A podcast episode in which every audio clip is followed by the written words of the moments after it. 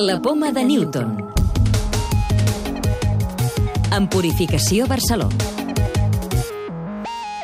Investigadors de la Universitat d'Ohio als Estats Units han dissenyat un xip diminut que, aplicat a la pell, és capaç de reprogramar les cèl·lules cutànies perquè actuïn com a cèl·lules d'un òrgan danyat. Centrem el programa d'aquesta setmana en aquesta important recerca en medicina regenerativa. També sabrem més coses del que ens aporta l'estudi del genoma i descobrirem per què som éssers lingüístics. Els investigadors nord-americans han desenvolupat una nova tecnologia que utilitza les cèl·lules de la pell com a base perquè actuïn com a cèl·lules d'una altra part del cos. El que han fet ha estat col·locar un xip amb material genètic de cèl·lules vasculars sobre la pell de ratolins amb problemes de circulació a les potes. El xip injectava aquesta càrrega a les cèl·lules de la pell i les convertia en cèl·lules vasculars. Els resultats han estat molt espectaculars. En poques setmanes es van reparar els vasos de les les potes dels ratolins sense cap altre medicament. Ho explicava Shandan Sen, un d'aquests investigadors.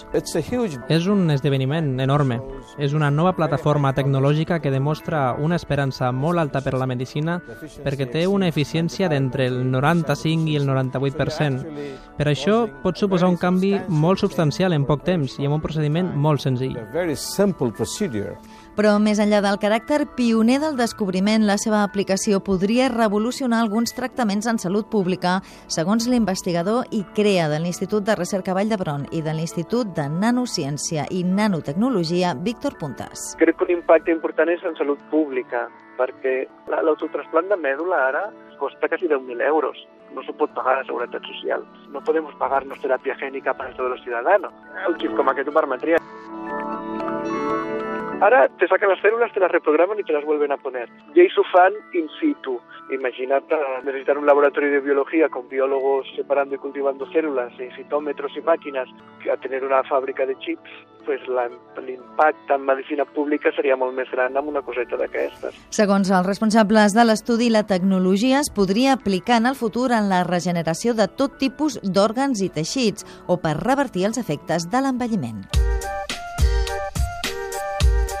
Més coses, l'estudi de com s'expressen els gens en els diferents òrgans del cos permetrà en el futur detectar qualsevol malaltia amb només una analítica de sang. Això és el que es desprèn del projecte GTEC sobre l'expressió del genoma. Roderic Guigó, bioinformàtic del Centre de Regulació Genòmica. Detectar en la sang nivells anormals de l'expressió d'alguns gens que puguin ser indicadors de, per exemple, totes les malalties que tenen més que veure amb el sistema circulatori sobretot, o per exemple les malalties cardiovasculars, la, la hipertensió, però en realitat fins i tot qualsevol malaltia. Stephen Hawking descansa molt a prop d'Isaac Newton i d'altres científics que han fet història. Les seves cendres es reposen en un lloc especial de l'abadia de Westminster, a Londres, dedicat a investigadors distingits.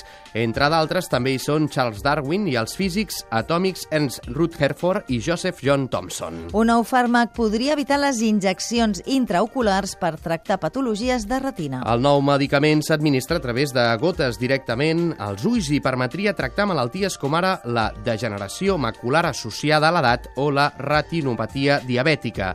Es tracta d'una nova estratègia basada en l'ARN que penetra dins les cèl·lules de la retina. La clau de volta. Per què som biològicament éssers lingüístics? Lola Ruiz, de l'àrea de recerca i coneixement de l'obra social La Caixa. La tecnologia actual ens permet observar el cervell durant l'activitat lingüística i mostra una xarxa funcional, un sistema complex de regions i connexions que justament amb els sistemes que interactuen, com la visió, o l'oïda, o l'emoció, o el control motor, ens fa éssers lingüístics independentment de la llengua que tinguem. Recordeu que ja podeu descarregar-vos el podcast de la Poma de Newton o subscriure-us al programa per rebre'l directament als vostres dispositius.